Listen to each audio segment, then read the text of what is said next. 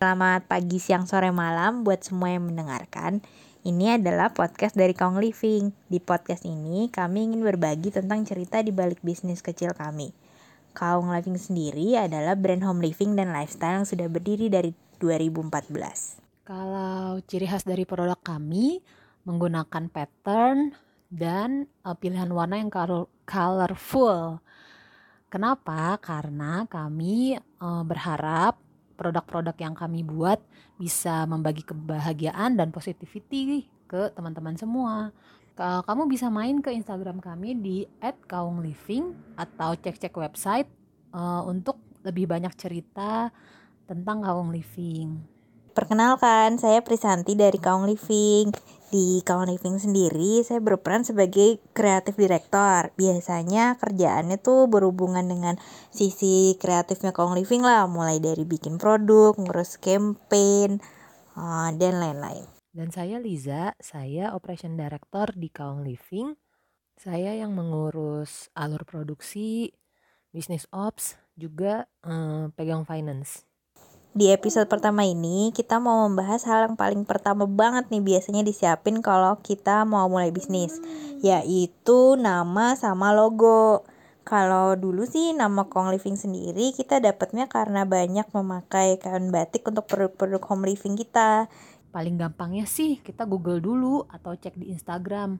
Ada nggak sih yang sama namanya? Kalau misalnya udah ada, tapi kita udah keburu suka banget sama namanya, coba cek cara penulisannya misalnya kayak keren brand mungkin bisa jadi keren gitu uh, pakai KH atau ditambahin jadi keren clothing tapi hati-hati juga ya kalau misalnya ada brand yang udah dipatenkan soalnya nanti kita malah jadi dituntut kalau pakai nama yang mirip-mirip. Nah, lanjutnya kita mau ngobrolin tentang logo.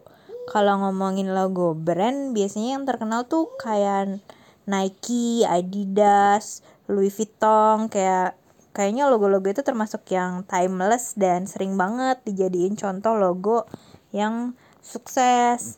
Nah, kebetulan di Kong Living sendiri kita masih sering galau nih logo Kong Living sendiri belum pernah ganti dari awal berdiri beberapa kali kita konsultasi dengan agensi branding ataupun ikut semacam mentoring gitu kita selalu di komen kalau logo kita agak-agak terlalu kaku kalau dibandingkan dengan produk-produk kita yang kesannya tuh mudah ceria terus uh, fun dan menyenangkan.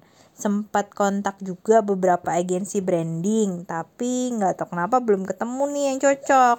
Entah nggak cocok stylenya atau nggak cocok juga harganya.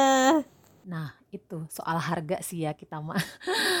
Maklum masih merintis. Uh, sebenarnya logo juga kan macem-macem sih ya harga pembuatannya. Dari yang murah banget sampai ada yang mahal banget. Kita tuh pernah tanya beberapa agensi ada beberapa yang ngasih price tag di atas 20 juta. Wow tapi ada juga yang 5 sampai 7 juta, ada juga yang 1 sampai 3 juta. Bahkan kalau kita ke apps kayak Moselo gitu, um, ada juga yang nawar-nawarin logo start dari 20 sampai 200 ribu. Ya, cuman kan yang kita dapat sebanding sih dengan harga yang kita bayar.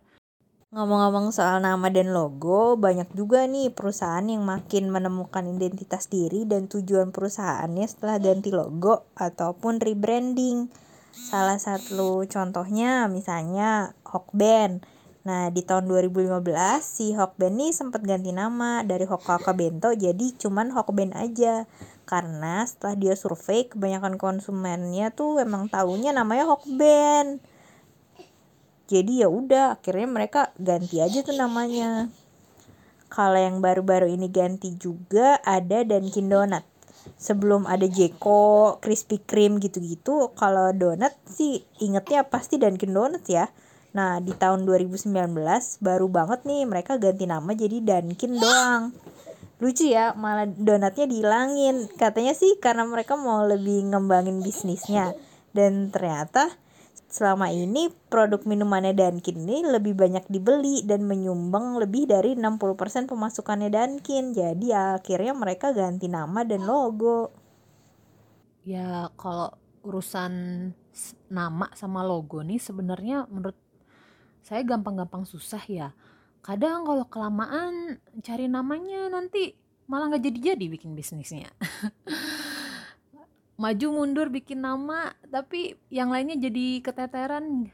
Hmm, kayaknya nggak baik juga sih. Kalau bisa sih ya udah lah ya diputuskan aja ketok palu tutup mata. Oke ambil satu nama yang kamu paling suka. Ya udah kita mulai pikirin yang lainnya. Karena selain logo, dan nama masih banyak perintilan lain yang menunggu buat dikerjakan. Oh iya, terakhir nih, buat teman-teman yang punya kenalan agensi atau freelancer yang bi yang bisa mengurus rebranding rebranding brand, boleh ya kontak-kontak kita. Ya kali-kali cocok gitu.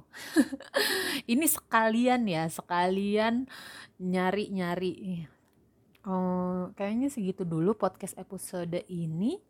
Semoga bermanfaat buat teman-teman semua. Sampai bertemu di episode selanjutnya. Dadah.